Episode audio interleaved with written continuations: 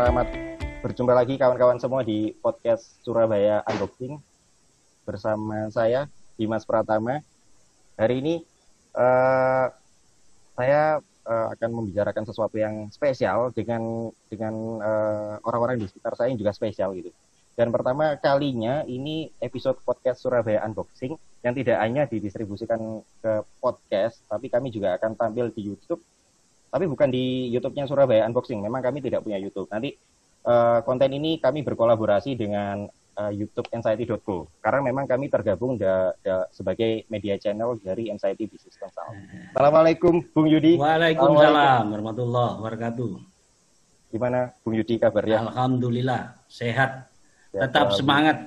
Tetap semangat. Stay strong jadi orang-orang ini. Agus Wahyudi ini tidak lain adalah pemimpin redaksi di Anxiety Media. Topik yang akan saya dan Bung Yudi bicarakan ini topik yang seperti di judul ini yang uh, teman-teman bisa baca dan bisa baca di uh, channel description kami. Kami akan membahas tentang pertanian. Pertanian di Surabaya. Oh. Mungkin uh, Bung Yudi bisa cerita saat uh, kita ngomong pertanian di Surabaya, nah ini kayaknya nyeleneh gitu. Kenapa ya kok kita membahas topik ini, Bung Yudi? ya, memang uh, ini cerita sedikit ya pengalaman ya. jadi wartawan dulu. Saya sering tidak populis karena sering menulis tentang lahan-lahan pertanian di Surabaya. Jadi misalkan dulu di Ahmad Yani itu ada di Gayung Sari atau di belakang apa Grapena dulu juga ada, tapi kecil gitu kan, tidak tidak ya. besar tapi menghasilkan. Nah, tapi sekarang kan ada namanya DKPP gitu kan. DKPP. Kemudian saya menulis, tapi ya itu tadi nggak nggak nggak begitu banyak yang merespon karena memang pertanian di Surabaya ini kan uh, jarang orang yang tahu gitu kan. Atau mungkin memang lahannya juga nggak banyak, tapi dengan inovasi-inovasi yang muncul sekarang lebih ada namanya hidroponik atau sebagainya itu kemudian menjadi booming bukan hanya menjadi kayak apa kayak hidup ya tapi juga uh, ada yang sudah menghasilkan gitu kan. Semangat yang paling penting Mas Dimas yang saya tahu Bu Risma itu uh, uh, punya kalau nggak salah ya benar nanti dikoreksi Bu Antin di balai kota itu masih ada nggak itu parinya itu Bu ya apa padi Pak. padinya itu itu kalau nggak salah beberapa bulan itu panen gitu kan di, dan sering di apa disampaikan oleh wali kota. Saya sendiri baru tahu beberapa tahun yang lalu sih. Ternyata di balkonnya balai kota itu ada pertanian juga bu ya kalau nggak salah. Jadi ada sawah di balkon gitu pak? Iya, pertanyaannya di balkon oh. menggunakan apa paper bag atau gimana itu saya lupa itu. Nah, nah hal-hal kemudian sekarang saya melihat ada pergeseran ya orang melihat pertanian itu juga menjadi sesuatu yang penting dan apalagi di era pandemi ini uh, orang sekarang ada nama uh, kebiasaan berkebun ya ada bukan hanya di Indonesia tapi di luar negeri juga uh, melakukan hal serupa gitu. Nah, moga-moga isu yang menjadi apa tema kita kali ini uh, bisa memberi inspirasi lah kepada semua karena memang kalau ini bisa dilakukan secara masif tentunya juga akan berdampak cukup baik ya terhadap uh, perkembangan atau uh, kegiatan yang ada di Surabaya. Saya pikir begitu, Mas Dimas. Sangat menarik. Baik, dan memang sebetulnya kalau uh, saya boleh cerita, uh, saya dan Bung Yudi ini memang ingin mengangkat pertanian. Awalnya memang uh, karena kemarin uh, di kuartal kedua tahun ini pandemi ini membuat ekonomi kita turun negatif. Itu yang sudah dirilis secara resmi oleh pemerintah. Tapi walaupun uh, ekonomi negara kita ini minus katanya secara hitung-hitungan ekonomi minus uh, eh, 5% kira-kira gitu. Tapi ada salah satu sektor yang ternyata menjadi uh, apa bahan pembicaraan. Sektor pertanian ini yang menopang uh, pertumbuhan ekonomi kita di kuartal kedua uh, setelah pandemi. Nah, itu kenapa kami ingin mengangkat topik pertanian. Hmm. Nah, terus dan juga isu ini saya rasa juga uh, cukup unik. Surabaya ini kota bisnis gitu ya Bung Yudi ya. Ya. Dan orang mungkin nggak begitu hmm. banyak memikirkan pertanian di sini, tapi betul, uh, sangat salah kalau kita lupa bahwa di sini memang ada pertanian. Ya. Bu Antin ini uh, uh, narasumber kami yang mewakili DKPP Surabaya. Kami berharap Bu Antin nanti ini bisa cerita banyak uh, tentang setidaknya sudut pandang pemerintah kota kita tentang sektor ini. dan kenapa di KPP ini ada seberapa pentingkah sektor ini padahal kalau kita lihat hitung-hitungan ekonomi sektor pertanian itu hanya, hanya menumbangkan satu persen dari uh, penambahan nilai nilai tambah ekonomi Surabaya. Nah, nanti setelah dengan Bu Antin kami juga sudah menghadirkan kalau kita ngomong pertanian nggak menghadirkan petani di sini sangat bohong rasanya. Nah, di sini kami juga sangat beruntung sudah hadir Ibu Susana. Bu Susana ini populernya dipanggil uh, Bu Susana Yabes gitu ya. ya. Beliau salah satu uh, praktisi pertanian, bisa dibilang beliau petani gitu ya petani di Surabaya dan memang nyata adanya. Nanti beliau akan cerita banyak tentang bagaimana beliau menggeluti uh, aktivitas ini bahkan aktivitas ini memang ada misi bisnisnya juga. Dan terakhir di sini kami juga bersama Bung Fajar Haribowo yang buat para pendengar Surabaya unboxing sejak episode pertama pasti sudah tidak asing sama Nah, ya. Assalamualaikum Bung Fajar. Waalaikumsalam Mas Dimas. Ketemu ya. lagi. Beruntung ini saya dapat slot lagi nih di, di episode kali ini. Uh, kami tertarik uh, untuk menanyakan hal ini pertama ke Bu Antin dulu. Bu, Bu Antin ini kan uh, mewakili regulator, mewakili pemerintah. Pemerintah melihat uh, apa nih pertanian ini penting ya, apalagi untuk kota bisnis seperti Surabaya ini. Sampai ada lembaga khusus yang namanya DKPP tadi, Dinas Ketahanan Pangan dan Pertanian. Sebelum saya tanya lebih jauh, dulu ya, saya ingin menyampaikan mungkin pertanyaan-pertanyaan para milenial Surabaya ini. Sebetulnya di daerah mana aja, Bu, ada lokasi pertanian di Surabaya? Bu, uh, saya bayangkan pertanian ada sawah gitu Bu ya. Atau pertanian ini konteksnya apa saja Bu? Apakah cuma yeah. hanya sawah, kebun, apa ada uh, apa ikan, ternak gitu mungkin ya? Ya. Baik. Terima kasih Mas Dimas uh, atas kesempatannya dan ini sekaligus ajang sosialisasi kami dari DKPP untuk para uh, kawan-kawan ya bahwa di kota Surabaya ini khususnya ini saya mengenalkan dulu untuk Dinas Ketahanan Pangan dan Pertanian Kota Surabaya bahwa di dalamnya itu uh, ada ada mencakup tentang uh, pertanian, ya. kemudian perikanan dan peternakan serta olahan pangannya, yaitu untuk oh. uh, olahan pangannya, jadi pasca panennya. Yep. Nah, jadi kami sendiri sering mendengar, uh, apalagi di, di, di uh, uh, warga ya, sedangkan yep. di kawan-kawan kami di instansi yang katakan tingkat Jawa Timur saja kadang masih tidak percaya gitu loh. Surabaya masih ada sawahnya gitu kan. Nah, faktanya memang faktanya memang masih ada gitu yang utamanya untuk wilayah Surabaya Barat. Nah, itu masih okay, uh, untuk total keseluruhan itu masih ada sekitar 1000 hektar itu. Nah, meskipun tingkat kepemilikan untuk lahan sawah bukan milik uh, perorangan, ada yang sudah ke pengembang, kemudian ada aset BTKD yang tetapi senyampang belum dimanfaatkan maka masih diperbolehkan untuk dimanfaatkan oleh para petani. Nah, itu kondisi. Bu Ati tadi pengembang pengembang properti itu Bu ya? Iya, uh, uh, apa namanya? kepunyaan dibeli, gitu, pengembang, investor. Oh, investor. Gitu. Tetapi karena belum dimanfaatkan, mungkin pada perjanjiannya awal dibolehkan bila mana itu ya, belum digunakan, maka sampai sekarang masih uh, ada beberapa petani yang memanfaatkan untuk berbudidaya. Gitu. Siap, Bu. Nah, kemudian uh, tentang pertanian sendiri gitu, gimana tanggapannya warga gitu ya, bahwa sampai dengan saat ini masih banyak juga yang peduli tentang pertanian gitu. Apalagi tadi sudah disebutkan oleh Bung Yudi tadi dengan adanya misalnya lomba-lomba uh, gitu ya. Jadi itulah uh, pengalihan kita yang selama ini untuk mencari petani tulen, petani tulen maksudnya itu petani sawah gitu ya, iya. itu sudah mulai sulit. Sehingga dengan perkembangan waktu yang kota Surabaya ini adalah lebih dominan ke arah jasa dan perdagangan, iya. maka kita alihkan untuk mem, e, memaksimalkan pemanfaatan lahan pekarangan.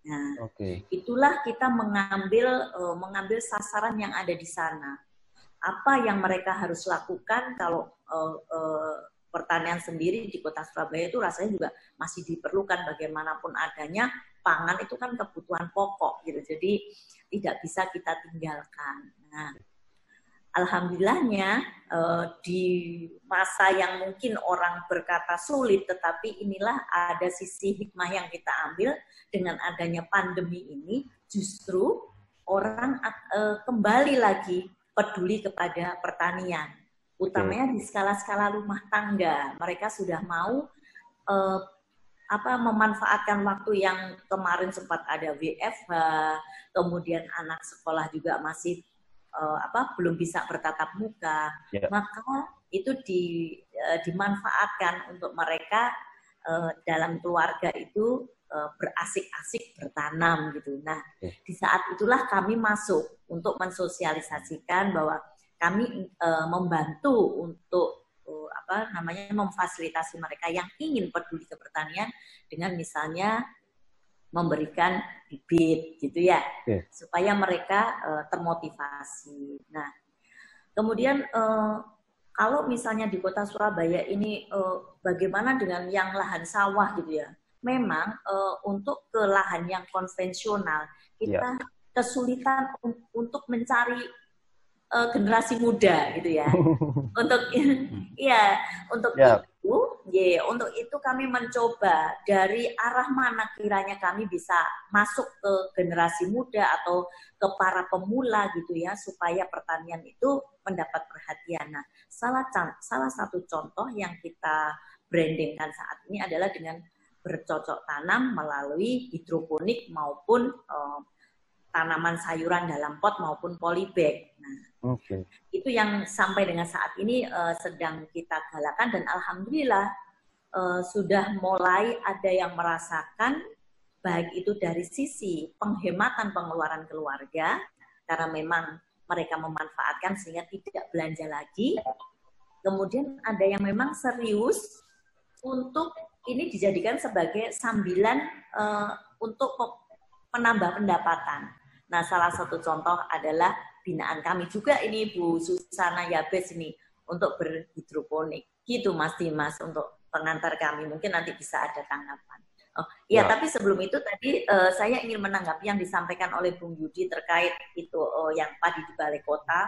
Itu memang salah satu upaya-upaya kami bahwa ingin tetap uh, me me memberitahukan atau menginfokan kepada masyarakat bahwa oh iya di Surabaya itu termasuk uh, ternyata masih juga ada tanaman padinya gitu dan bisa gitu dengan um, uh, metode yang tidak di sawah. Kami di sana menggunakan bak fiber meskipun dalam pelaksanaannya kendala-kendala itu tetap ada. Itu Mas Dimas untuk sementara ya, yang bisa kami oh, uh, informasikan. Menarik sekali, Bu. Jadi uh, memang misi utamanya Pemkot ini nggak nggak nggak untuk mengembangkan sektor ini untuk bisnisnya dulu, Bu ya, lebih ke ketahanan yeah. sama. Hmm. Oke, jadi uh, jadi misal kalau saya uh, orang awam gitu, eh, kemarin kan habis habis idul idul kurban ya banyak orang yeah. orang jual kambing. Apa artinya ada juga kambing sapi yang produksi Surabaya juga bu yang dijual waktu kurban kemarin bu di di sini? Enggak, enggak baik. Kalau yang untuk di kota Surabaya enggak kebanyakan pendatang Mas kalau kalau ternak-ternak okay. itu, iya. Nah, atau pertanyaan ya, kalau pertanyaan selanjutnya pertanyaan orang awam misal uh, sayur-sayuran yang kita hmm. temui di pasar di Melijo itu apakah juga ada yang ngasih produk Surabaya, Bu? Atau, ada, Surabaya? kalau itu ada? banyak. Banyak. Oh. Karena masih ada potensi sayur, katakan sayuran uh, daun misalnya. Yeah kangkung, bayam. Bayam, kangkung, sawi banyak itu di daerah Kenjeran dan juga wilayah barat seperti Made, Lakar eh. Santri gitu. Masih masih mensupport kalau untuk tanaman-tanaman hortikultura. Padi oh. pun juga masih ada. Padi Tetapi memang masih dominan yang dari luar kota. Tapi kita masih ada kontribusi meskipun kecil. Yep. Eh, dan artinya berarti memang Surabaya ini bisa ditanami uh, spesies atau jenis-jenis tanaman khusus yang daerah lain nggak punya gitu bu? Uh, kalau kebanyakan yang ditanam di Surabaya ini umum mas, umum. Justru oh. justru uh, ada tanaman-tanaman tertentu yang memang tidak bisa dengan agroklimat kota Surabaya, tetapi okay. dengan tanaman-tanaman umum, uh, tanaman pangan maupun hortikultura yang kita nikmati sehari-hari pun banyak yang bisa ditanam di kota Surabaya. Sehingga sebetulnya tidak ada alasan kalau kita tidak menanam karena di kota Surabaya tidak juga. Gitu. Justru sekarang banyak sekali itu uh, tadi seperti yang disampaikan bahwa misalnya materi lomba green and clean.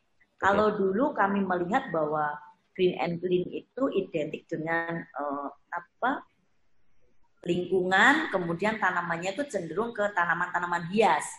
Nah, kami melihat peluang itu sehingga kami memasukkan uh, dengan dengan teman-teman DKRTH selaku uh, leading dari uh, lomba tersebut untuk memasukkan indikator tanaman-tanaman sayuran maupun yeah. tanaman obat keluarga sebagai indikator penilaian sehingga itu memicu para peserta untuk bertanam yang bermanfaat untuk uh, sa uh, apa sayuran gitu ya sayuran yeah. keluarga gitu. Hmm. Jadi sudah dilaksanakan itu bu? Oh sampun sudah lama sudah, ya? sekali kan mulai uh, lebih intens lagi itu 2000 dari yang pertama tahun 2000 berapa 9 itu sudah mulai tetapi hmm. belum banyak tetapi dengan kita membranding mereka ke hidroponik di tahun yeah. 2017 itu sekarang hidroponik tampil menjadi uh, produk utama buat buat kebanggaan para peserta gitu. Hmm. Tapi belum masuk kategori penilaian. Misalkan masuk. untuk pialanya gitu, ada ya? Oh, belum, belum. Belum, ya. ya. Belum, ya, belum. Itu ya, yang harusnya moga-moga bisa cepat, Bu. Oh iya, ya, oke. Amin. Ini bersinergi. Bersinergi sehingga, itu. Ya, sehingga tidak sendiri-sendiri. Kami memang ada juga lomba tersendiri untuk mem memotivasi mereka setelah mereka katakan mendapat bantuan uh, kita untuk mengukur sejauh mana masyarakat serius untuk uh, me melanjutkan apa yang sudah mereka minta. Nah, kalau ngomong sejauh mana nih Bu, uh, uh, tadi kan Ibu tadi bilang areal pertanian kita mayoritas di Surabaya Barat. Tapi sebetulnya apakah setiap kecamatan di sudut kota ini bisa berpotensi untuk jadi lahan pertanian kecil-kecil gitu atau atau mungkin ya. uh, DKPP udah punya program uh, di setiap kecamatan atau bagaimana gitu? Iya.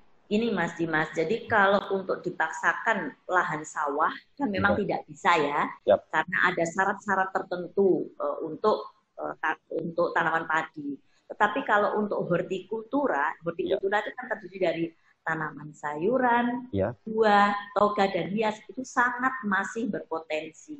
Nah, sehingga tidak ada alasan lagi bahwa saya tidak punya halaman yang luas gitu sehingga ya. saya tidak bisa menanam tidak kita pakai teknologi maksudnya teknologi sederhana yang bisa kita terapkan dengan misalnya satu kali satu meter aja udah bisa gitu kita mau berhidroponik kita mau tanam sayuran di polybag atau di pot ya. itu sangat bisa gitu. Kalau tadi ngomong uh, ketahanan pangan artinya tadi kan uh, kita uh, di KPP itu mensosialisasikan supaya orang-orang uh, berminat untuk bertani setidaknya di rumah sendiri. Hmm. Jadi kalau saya baca sejarah-sejarah pertanian yang dulu-dulu kan artinya memang ya ini pertanian pada arti yang sebenarnya Bu, bertani ya. untuk menghidupi diri sendiri gitu Bu ya. Iya. Uh, menjaga-jaga uh, nanti kalau terjadi situasi okay. seperti pandemi ini, ya. kita bisa menghidupi diri sendiri seperti itu ya? Ya. Uh, ya. Apa itu misi yang diusung sama Pemkot gitu? Ya. Uh, misi itu memang uh, sekarang ini digalakkan. Jadi apabila semoga tidak terjadi, apabila terjadi apa-apa, paling tidak kita sudah punya cadangan sehingga okay. pemerintah kota saat ini melalui DKPP itu sedang gencar-gencarnya ya. memanfaatkan aset Pemkot yang sekiranya ya. lahan-lahan tersebut belum dimanfaatkan, ini dimanfaatkan untuk tanaman pangan. Baik, kalau padi tidak. Jadi untuk jagung, kemudian ketela pohon, ketela rambah, sorghum. Nah ini sedang digalakkan. Kami di uh, dua bulan terakhir ini itu intens menanami, membuka lahan atau me, me, mengelola lahan baru sekitar 41 titik yang luasannya sekitar hampir mungkin 30 hektar aja ada gitu. Meskipun tidak satu kawasan. Yep. Uh, uh, adalah di titik-titik tertentu.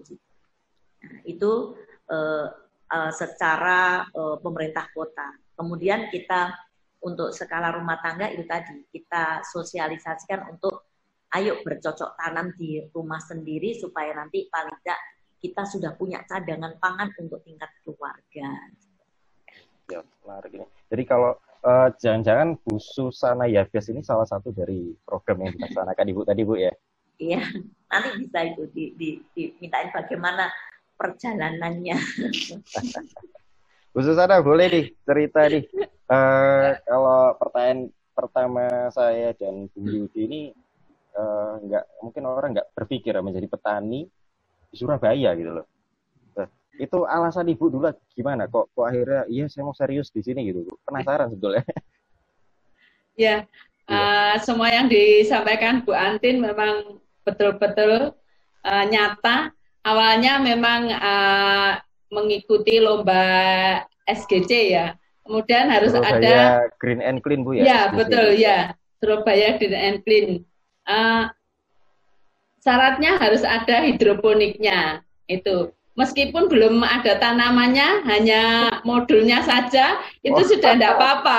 Iya, ya seperti itu. Kemudian uh, makin ke sini kami geluti kami geluti kami uh, maksudnya di ditanami yang benar-benar gitu ya tanam yang benar-benar. Kemudian 2017 uh, ditawarin yaitu ikut lomba hidroponik. Alhamdulillah puji Tuhan juara dua se Surabaya. Kemudian di tahun yang sama uh, lomba farm farming juara satu se Surabaya. Dan ini semua juga berkat bimbingan dari Bu Antin betulnya. Memang yang disampaikan Bu Antin itu memang betul semuanya benar. Jadi memang hidroponik itu tidak perlu memerlukan lahan yang luas, yang penting ada ruang seperti itu untuk mencukupi kebutuhan sayur keluarga seperti itu. Jadi kami setiap hari juga uh, beli sayur seperti itu dan selebihnya juga bisa dibuat uh, bisnis. Produknya apa bu itu bu, bu Yusana?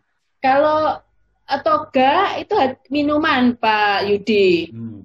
Kalau sayur kami jual sayur. Kemudian ada uh, sayurnya ada sayur sambong. Ini seperti ini. Ah. Sayur sambong. Sambong. Ya, sambong. Ya. Sambong seperti ini. Jenis Kemudian sawi, ya jenis sawi. Kemudian sawi. ini romen. Romen. Romen juga sejenis sawi. Kemudian ada Pak Coy, Pak Coy itu sawi daging. Nah, seperti ini Pak. Itu kayaknya produk-produk yang sering saya temui di supermarket. Supermarket ya. Oh iya, betul ya. lihat. Nah, itu itu nah. memang sudah, sudah sampai segitu keterampilannya dari Itu hidroponik ya. semua, Bu ya? Ya, hidroponik semua. Ah, iya, iya, iya. Semua dari hidroponik. Jadi bukan sayuran kelas-kelas melijo, Pak ya? iya, iya. Terus kemudian nanti selebihnya kalau memang anggota sudah cukup, kemudian uh, sekitar uh, sudah, maksudnya sudah enggak eh, mem, bukan tidak membutuhkan ya.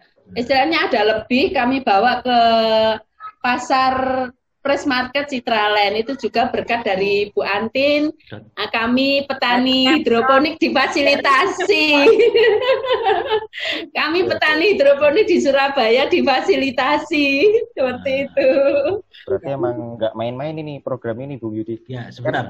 Bu Susana. Ya Pak. Uh, panennya atau gimana itu berapa minggu sekali atau terus kapasitasnya berapa itu Bu? Uh, kami sistem rotasi Bapak. Hmm, sistem rotasi, jadi bergantian gitu. Oh. Uh, punya Yang punya ibu, yang punya ibu. Oh iya, iya.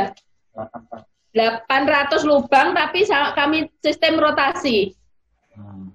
Jadi panennya enggak langsung panen semua panen gitu enggak jadi uh, sebagian sebagian ya, ya. gitu. Yang supaya ibu berapa?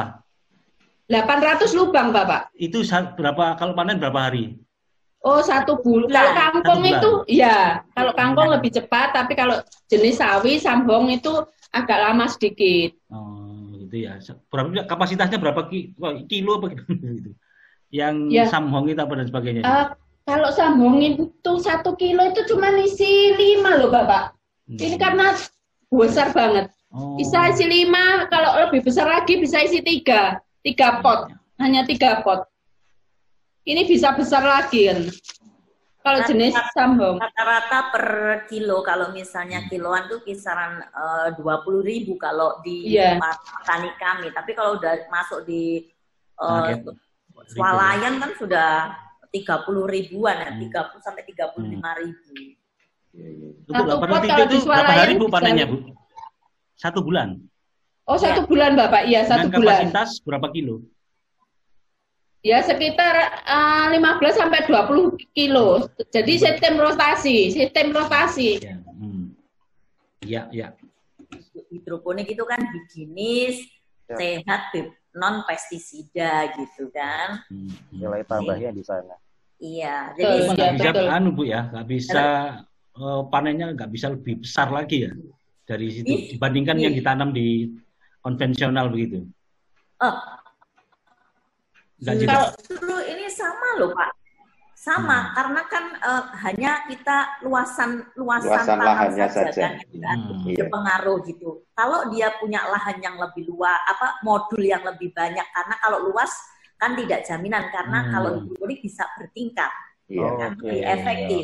Yeah. Yeah. Tapi ada katakan modal untuk menambah lubang, yeah. tapi bukan luasan. Nah itulah salah satu yang menarik bila sudah masuk ke hidroponik dan sudah terampil dengan budidayanya, maka hmm. eh, apa untuk ke bisnisnya sudah bisa. Kami Kapa, biasanya, kapasitas maksud saya bu. Dalam, Jadi misalkan dulu saya pernah di apa di yang bu dijual sih apa yeah. hodong semanggi yeah. itu kalau ditanam hidroponik yeah. kalah cepat dengan yang ditanam biasa gitu, yang oh. pakai tanah biasa. Oh, apa yeah. itu seperti itu enggak? Lainnya? Yeah uh, kita lihat Pak, kalau seperti sayuran ini sama loh Pak. Sama ya? Sama.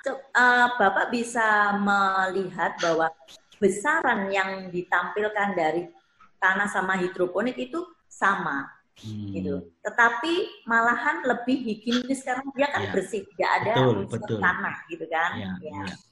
Hmm rata-rata uh, uh, itu mereka sekarang ini yang memang udah intens. Ada beberapa binaan kami yang Bu Susana CS ini memang benar-benar intens.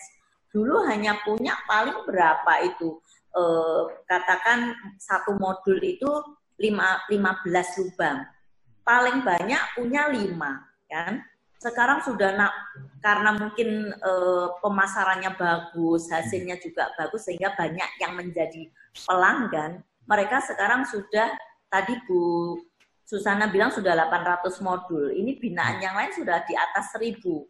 Maaf, 800 lubang ini sudah 1000 lubang. Makanya sudah bisa merotasi.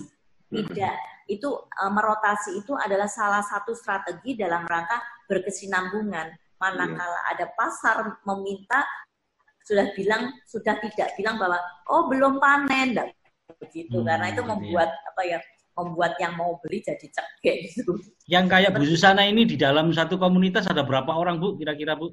Uh, yang hmm. memang intens itu sekitar uh, eh, 15 sampai 20 lah. 15 baru orang. Iya. Berarti bisa disebut komunitas Bu ya? Oh bisa, kami memang sudah membentuk yang namanya pecinta hidroponik Surabaya itu semua hmm, dari iya. pemula nol Pak, tidak tahu iya, apa. Iya, iya, iya. Hmm. Nah, ini kepedulian kepedulian pemerintah kota karena memang mereka sudah punya semangat, kemudian berkesinambungan. Tadi disebutkan yang pasar di Citralen itulah kami meng, kami DKPP mengajukan ke Bapakku untuk ayo kita fasilitasi warga yang sudah memang pergi. sana ini dan ada berapa orang nah, tiap masing-masing komunitas dalam ini? perkumpulan di dalam perkumpulan itu itu sudah terwakili dari satu kecamatan tuh minimal satu orang. Nah, berarti sudah ada 31 orang, tetapi yang kami lihat intens itu sekitar uh, 20-an orang, Pak, yang memang Wah, intens. Yeah. Itu sudah bisa berproduksi kontinu. Itu hmm. namanya wadahnya adalah pecinta hidroponik Surabaya. Hmm. Nah, karena ke, ke keseriusan mereka, maka kami di DKPP mencoba ber, berkomunikasi dengan Bapakku, ayo nih kita fasilitasi mereka apa yang sekiranya bisa mengangkat mereka untuk bersemangat uh, menekuni uh, menekuni ini bukan lagi sebagai uh, pemenuhan kebutuhan keluarga saja, iya. tetapi sebagai uh, tambahan untuk pendapatan keluarga. Apa Dan, bentuknya Bu kontribusi DKPP untuk mereka para komunitas ya, itu? Itu uh, atas komunikasi Bapeko dengan pihak Citraland, maka kami diberi satu stand di pasar modern Citraland. Oh, ya. akses Saya, akses penjualannya Bu ya. Betul, G. Bibitnya gimana Bu? Apa diberi gratis oleh DKPP? Ya, waktu pertama dulu kita bantu Pak, gratis Pak, modulnya oh, gratis juga. ya. G. Saya misalkan mendaftar bisa. Bisa, tetapi pengajuan mereka kan biasanya melalui kelompok, Pak. Kami oh, tidak melalui kelompok gitu ya? Ya, ya, ya melalui RT, RW begitu. Nah, hmm. kemudian omset mereka waktu pertama kali buka itu hanya 200 ribu, sekarang satu juta. Nah, pandemi ini agak turun. Ya, ya, ya. Itulah peluang peluang yang ada, maksudnya untuk para pemula dan generasi muda yang ingin tetap uh, apa ber, berpetani, ber, ber, berbudidaya tanaman di kota Surabaya masih ada peluang gitu Pak. Ya. ya. Bisa dibilang Ibu dan Pak Yabes ini sudah full yeah. time sebagai petani atau ini hanya profesi sambilan Bu kira-kira? Uh, kalau sebelum pandemik itu sebagai sambilan. Okay. Kemudian setelah pandemik itu uh, jadi kerjaan utama Mas Dimas. ya. mengeluti pertanian lebih lebih lebih mendalam lagi seperti itu. Jadi uh, di greenhouse kami itu tidak hanya sayur, jadi ada ikan, ikan dalam kolam, kemudian ada ayam, ayam-ayam kampung seperti itu. Jadi bisa uh, kalau ada yang minat ya boleh beli ayamnya atau mungkin telurnya seperti Fajar. itu. Uh, sebelum saya mau bertanya tentang konteks perspektif bisnisnya, kalau boleh cerita, Bung Fajar ini juga dari Jawa Tengah, uh, satu uh, Iya, anu, lahan pertanian banyak. Bung, iya. Berapa hektar, Bung? Bung Fajar bisa cerita nggak apa pertanian di Temanggung dan mungkin di Surabaya, terus setelah tadi mendapatkan cerita dari ini Bu Susana, kebayang apa Bung Fajar ini? Bedanya apa gitu dan menariknya apa ya kalau Surabaya? Ya kalau kalau ke ke Temanggung ya jadi eh, kurang menarik ya karena memang Eh, tidak ada keterbatasan. Artinya tanah yang masih luas karena memang mereka mereka basisnya pertanian. Ya. E, walaupun mereka ke pertanian tanaman keras ya, tembakau gitu ya, sama agri eh, hortikultura sebagian tentang eh, kubis dan sebagainya. Tapi kalau kalau dari Surabaya ya ya jadi menarik karena memang memang kita berhadapan dengan keterbatasan. Jadi keterbatasan lahan tadi yang disampaikan Bu Andin tadi itu jadi jadi challenge yang yang yang menarik gitu kan. Dan itu ternyata bisa gitu. Itu yang yang yang menurut saya sih jauh lebih menarik lagi. Karena ternyata bisa gitu kan e, disolusikan teknologi pertanian memungkinkan untuk itu. Jadi hidroponik itu adalah salah satunya gitu, untuk menjawab e, keterbatasan lahan. Itu sih e, Mas Dimas. Siap. Terima kasih Bung Fajar. Iya, tadi kalau ngomongin teknologi, uh, ini uh, saya juga mau cerita dulu. Uh, sebelumnya saya sudah pernah browsing gitu di internet tentang salah satu perusahaan urban farming atau urban agriculture. Saya dapat uh, benchmark itu di Eropa, di Belgia. Ini yang saya mau cross check ke Bu Antin juga. Hmm. Yang saya lihat itu model bisnisnya dia sebuah perusahaan, dia menyewa uh, satu bangunan uh, bekas pabrik dengan ya kira-kira kebayang bangunan pabrik seperti apa akhirnya di dalamnya diisi uh, berbagai uh, perangkat-perangkat untuk bertanam uh, hidroponik atau urban farming dan mungkin di tingkat-tingkat itu. Di Surabaya apakah sudah ada Bu Antin uh, memang sebuah apa ya badan usaha yang memang membuat seperti itu? Atau Surabaya ini sebatas agriculture-nya berbasis komunitas warga tadi? Ya, ya yang uh, saya masih sebatas komunitas warga itu karena kami e, memang arahnya kan ini untuk ke masyarakat ya. Iya. Pendampingan kepada masyarakat terkait untuk e, ini pemanfaatan lahan pekarangan karena kita tahu lahan e, apa pertanian konvensional kan semakin sempit di Surabaya, iya. tetapi bukan berarti sawah tidak ada terus pertaniannya selesai kan tidak begitu ya. Iya. Upaya-upaya itu harus kita lakukan. Nah, untuk kekhususan seperti sudah ada area khusus yang untuk tadi berhidroponik sih memang belum gitu ya. Tapi masih sentuhannya kepada warga. Jadi memang uh, untuk mengembangkan itu mereka ada semangat untuk membuat modul-modul uh, atau prasarana yang lebih lebih baik lagi. Baik, jadi uh, apa? Jadi memang uh, memang Surabaya untuk visi misi terhadap sektor pertaniannya belum murni untuk uh, bisnisnya Bu ya. Jadi memang porsi besarnya untuk ketahanan pangan warga dulu ya. Yang itu kalau kira-kira di persentase yeah. 100% gitu uh, untuk ketahanan pangan berapa persen untuk bisnis berapa persen Bu kira-kira? Oh, kalau untuk untuk ketahanan pangan mungkin berapa ya? Uh, yang ketahanan pangan ya mungkin harusnya ke berapa?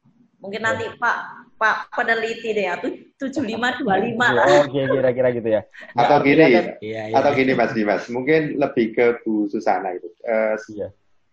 Dari dari pengalaman selama ini, kalau boleh nih, kalau boleh kita agak ngulik itu uh, uh, margin keuntungannya berapa sih sehingga mungkin anak-anak tadi tidak tertarik untuk masuk ke situ ya karena mungkin marginnya masih kecil.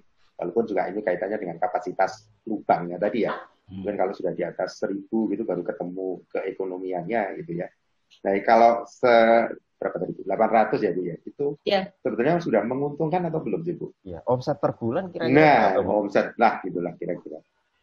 Kalau memang dijual 100% Pak, bisa sampai kisaran 2 juta. Tapi kan kami kan uh, memprioritas, memprioritaskan dulu ke anggota antara 70 30 70 untuk anggota yang 30 oh, gitu ya. untuk dijual. Karena, karena komunitas itu uh, ya, ya, ya, betul.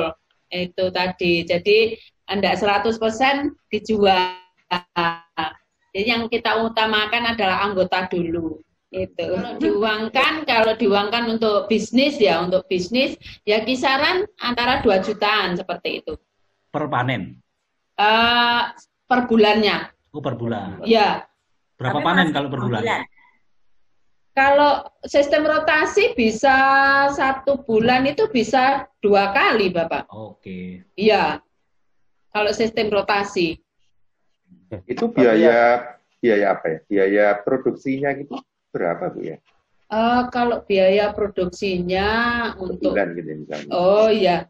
Untuk uh, benih untuk benih. nutrisi ya untuk benih untuk nutrisi ya kisaran kurang lebih berapa pak ya? Nggak, nggak, nggak mahal kok bapak. Hmm, ya menguntungkan ya, Iya. Hmm. Ya sekitar seratus ribu. Ya, seperti itu. Ya, oh, ya seratus ya, ribu ya. Udah, udah dapat beberapa populasi kan bu. Oh, ya, beberapa ya, ya. Artinya sebetulnya Bu Antin uh, apa namanya kalau mau ya. menuju ke ke bisnis, bisnis. sebetulnya sebetulnya sudah sudah oke okay, Bu. Ya memang ya. memang ya. hari-hari ini masih isunya akan lebih ke, ke ya. ketahanan pangan ya. Tetapi kalau ya. marginnya segitu gede sebetulnya. Uh, menurut juga, ya. menurut uh, Pak Fajar sudah sudah bisa masuk ya itu ya? Betul loh Bu. kalau misalnya ya tadi sebulan bisa dapat 2 juta gitu ya dengan yeah. 800 lubang dengan sistem rotasi yeah. dan dan sebulan kira-kira cuma 100 ribuan kan sangat yeah. besar tuh Bu ya marginnya. Yeah. Dengan risiko yeah. juga mungkin uh, tidak terlalu besar. Uh, pernah mengalami gagal panen nggak Bu? Oh pernah, pernah, pernah, oh, pernah, pernah, ya? pernah, pernah, ya. Pernah ya, betul. Gagal panennya karena apa, Bu? Werep tikus. Oh, tikus oh, ya. Iya, diserang ya, tikus. Tapi kan ya, masih betul. sesuatu yang bisa dikendalikan lah. Oh iya iya. Bagus ya. Iya. Dan mungkin karena uh, bertanamnya dengan greenhouse itu faktor faktor-faktor yang bisa dikendalikan uh, misal cuaca lebih, lebih bisa ini ya terkendali ya. Tinggal musuhnya tikus itu tadi ya Bu ya. Oh iya. Kalau hidroponik itu sebetulnya enggak mengenal cuaca. Yang penting nah, sinar matahari cukup seperti ya. itu. Cuman kalau tikus ya karena uh, di greenhouse kami itu kanan kiri sudah temboknya warga seperti ya. itu. Jadi ya. Hmm. itu. Uh, uh, apa misal uh, apakah ibu ini hanya mendapatkan keuntungan dari menjual uh, hasil barang mentahnya atau juga membuat produk olahan mungkin tadi kan uh, saya dengar Bu Antin sempat cerita bahwa iya. uh, misinya di KPP itu selain um, apa membuat orang bisa bercocok tanam, bisa mengolah hasil pertaniannya gitu. Apa Bu Susana juga melakukan itu, uh, mengolah, uh, membuat jadi produk olahan gitu? Kalau sayurnya kita jual sayur, tapi kalau toganya kita uh, olah menjadi minuman, Mas Dimas. Ya, jadi kami juga udah uh, memberikan pelatihan terkait uh, olahan pasca panen dari produk-produknya uh, para binaan kami.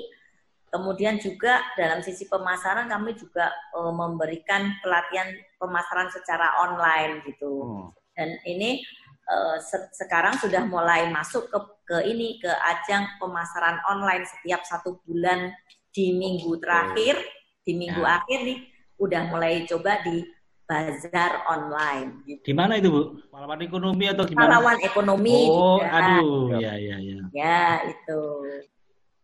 Ya kalau kalau lihat uh, apa namanya, saya juga uh, ngecek di di datanya itu memang masih masih generasi X junior dan milenial itu minat ke makanan yang sehat ini memang agak, agak tinggi gitu. Nah kalau sudah di situ ya memang digital ini ya juga harus digarap gitu kan. Hmm. Jadi kampanye melalui uh, apa namanya eh, kanal-kanal digital ini bentuknya seperti apa nanti tergantung kreativitas. Tetapi masuk ke sana itu ya uh, apa namanya me membantu teman-teman yang sudah sudah coba masuk di seperti Bu Susana ini untuk untuk kemudian uh, membangun juga marketnya gitu kan market hmm. juga makin teredukasi bahwa ada kok barang yang yang atau bukan barang ya produk-produk pertanian yang yang tergaransi itu eh, apa namanya hmm. keorganikannya gitu betul ya. betul nah, itu harus di, di dan kalau itu sudah terbentuk nah tapi kita juga harus siap seperti di Bu Susana juga harus siap kalau demand hmm. itu nanti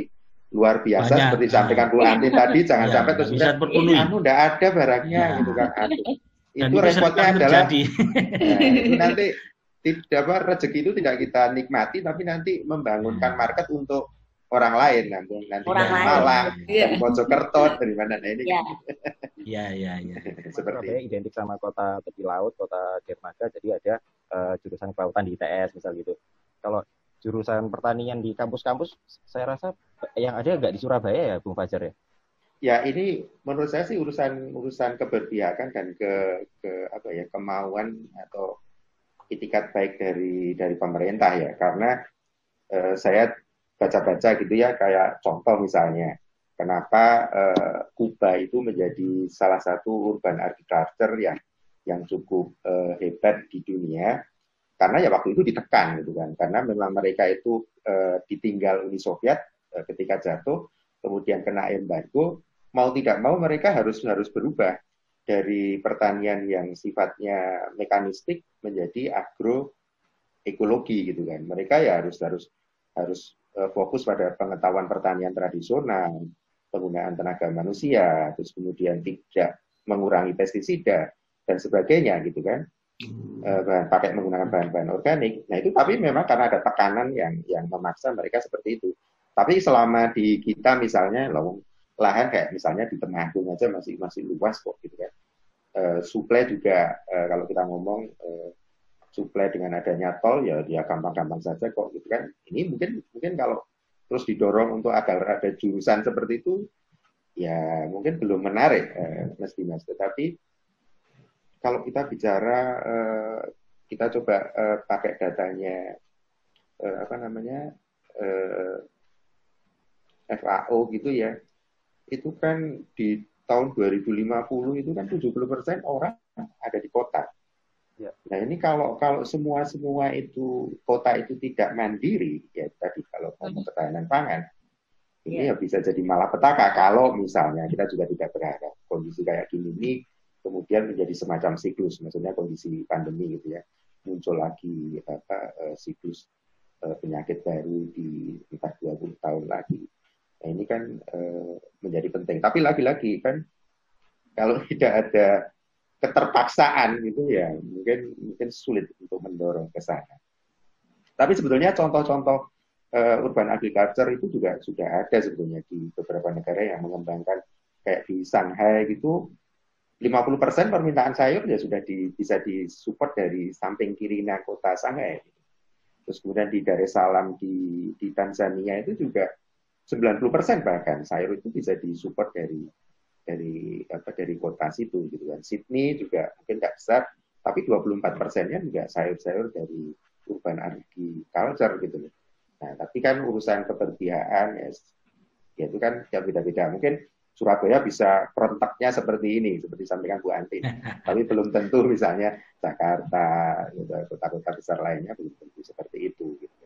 Hmm. Bagi mereka mungkin karena supportnya dari kota-kota pertanian di samping kirinya masih cukup, ya mungkin mereka belum, belum terlalu tertantang untuk ke sana. Tetapi Surabaya menurut saya sudah sudah sangat bagus gitu ya, sudah membayangkan jauh ke depan bagaimana nanti eh, ketahanan pangan itu ya harus disupport dari dirinya sendiri. Walaupun itu tidak bisa semuanya jadi sampaikan Bu Antin kan ya kayak hmm. padi ya mungkin sulit lah ya tiga bulan dan butuh lahan ya luar biasa. Ya nanti mungkin ada teknologinya.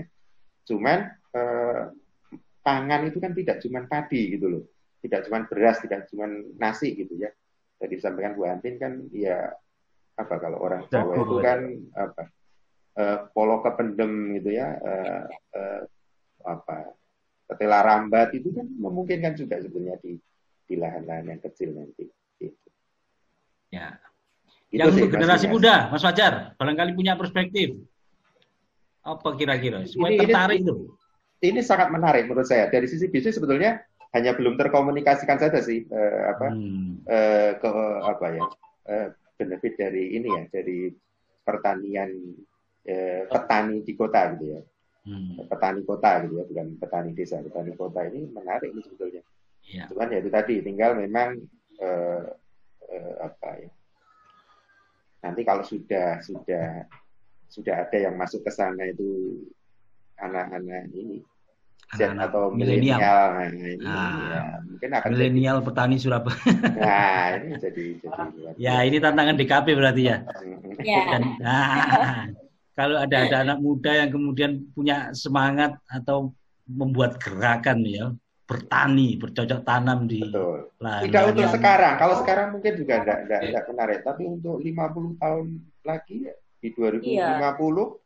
wah ini kan kalau kita sudah siap petani-petani handal yang, yang kalau yang di uh, mohon maaf kalau yang di petani konvensional ya katakan menggarap sawah itu memang sudah banyak yang usia lanjut. Sehingga pada saat kita mau menerapkan teknologi atau uh, apa mekanikal uh, mesin gitu jadi mereka sudah pengoperasionalnya itu juga sudah bingung. Bingung iya ya itu yang sebetulnya ingin kami mencari generasi muda yang masih apa ya katakan lulusan-lulusan permesinan oh masuk ke itu karena peralatan-peralatan ini sekarang kan juga udah mulai canggih-canggih lah perlu ya, anak ya, ya, ya.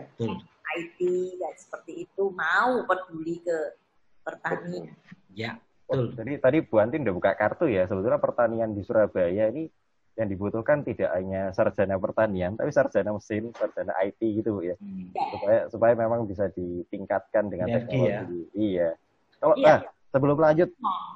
boleh tahu nggak Bu, kalau ngomong tadi anak muda dan ketertarikan sama menjadi petani, apakah sudah ada mungkin uh, contoh atau memang praktek uh, anak magang di tempatnya Bu Antin atau Bu Susana, boleh diceritakan mungkin kalau ada, apakah pernah ngajarin anak muda gitu?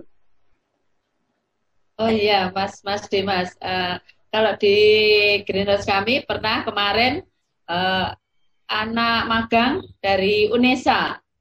Itu oh, minta ya. pelatihan, yaitu minta pelatihan, kemudian berkelompok ya, ada sekitar 15 sampai 20 anak, kemudian dipraktekkan, dipraktekkan uh, ke warga, yaitu yang yang pernah dapat bantuan modulnya itu dipraktekkan, kemudian tanya uh, perkembangannya seperti ini uh, sudah bagus, sudah betul apa belum seperti itu.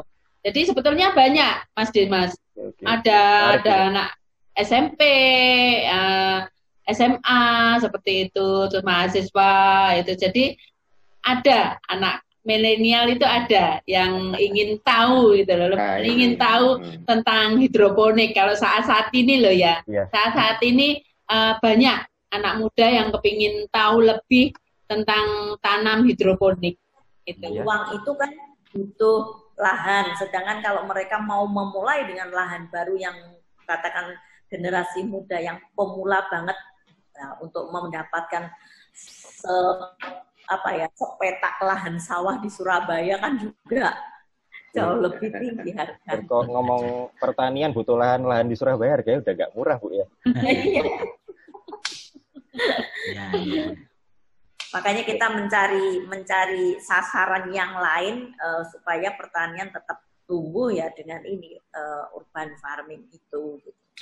Dan berbasis nah, komunitas tadi bu ya. Yang, yang di dinas sendiri uh, mulai harus ini mulai harus terpacu nih gimana ini uh, apa kalau misalnya katakan kondisi seperti ini berlanjut kan ya ini cukup mengkhawatirkan maka kita Betul. harus segera ini iya. teman-teman nih ayo kita cari uh, apa namanya cara-cara atau teknologi-teknologi yang sekiranya itu menarik tidak merepotkan Betul. tapi itu uh, bisa menggugah semangat para para warga lah untuk tetap budidaya gitu.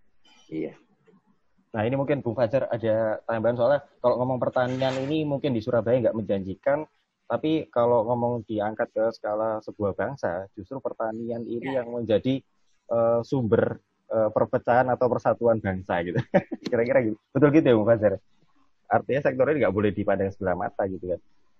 Iya, kalau kalau uh, ngutip di World Food Summit itu kan uh, sebetulnya ada empat dimensi untuk ketahanan pangan. Nah ini yang harus harus memang uh, menurut saya sih, menurut saya ya itu harus jadi perhatian di semua semua apa ya semua pemimpin itu ya di di level kota gini pun menurut saya sih penting. Jadi yang pertama adalah availability, gitu kan. Jadi pangan itu ya harus ada, harus tersedia gitu kan. Ya contoh waktu pandemi itu kan juga merepotkan gitu kan, terus semua terus menutup gitu kan, tidak eh, tidak ada akses untuk ke mana-mana ini kan repot gitu. Nah terus kemudian yang kedua ini ya urusan akses, akses ini ya ketersediaannya itu harus harus jelas dan murah gitu kan didapat. Ya walaupun kalau kalau kita ngomong uh, apa hidroponik mungkin masih masih tidak murah ya untuk untuk kelompok uh, masyarakat tertentu. Tetapi kan itu nanti nanti terus bisa teknologi kan selalu mensolusikannya.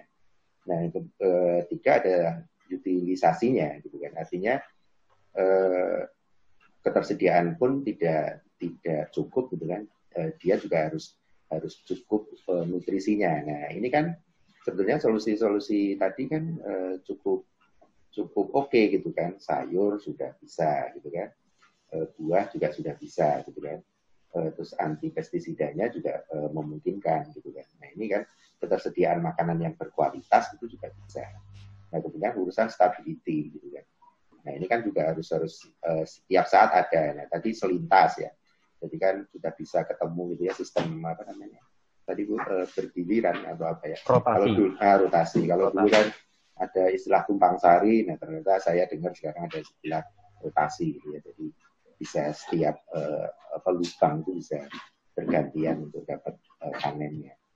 Itu sih uh, Mas Dimas memang ya penting gitu kan. Walaupun mungkin lagi-lagi kalau belum kepepet-pepet gitu kan kalau kita dengar ya food estate itu juga karena uh, dulu juga sudah ada lahan apa, eh, apa lahan gambut atau lahan apa itu yang tapi baru kemudian hari ini gitu kan di ditindaklanjuti oleh pemerintah sekarang gitu kan. Walaupun itu lahan itu kan sudah ada sejak dari dulu. Nah ini ini ini yang yang memang memang ya, faktor tekanan ini memang juga penting gitu kan. Tanpa ada itu mungkin terasa tidak tidak penting gitu kan ketahanan pangan di masing-masing kota itu gitu. Itu. Ya saya untuk penutup ini saya sangat penting nanti pertanyaan pamungkas dari Pak uh, Bung Yudi ini. Apa itu?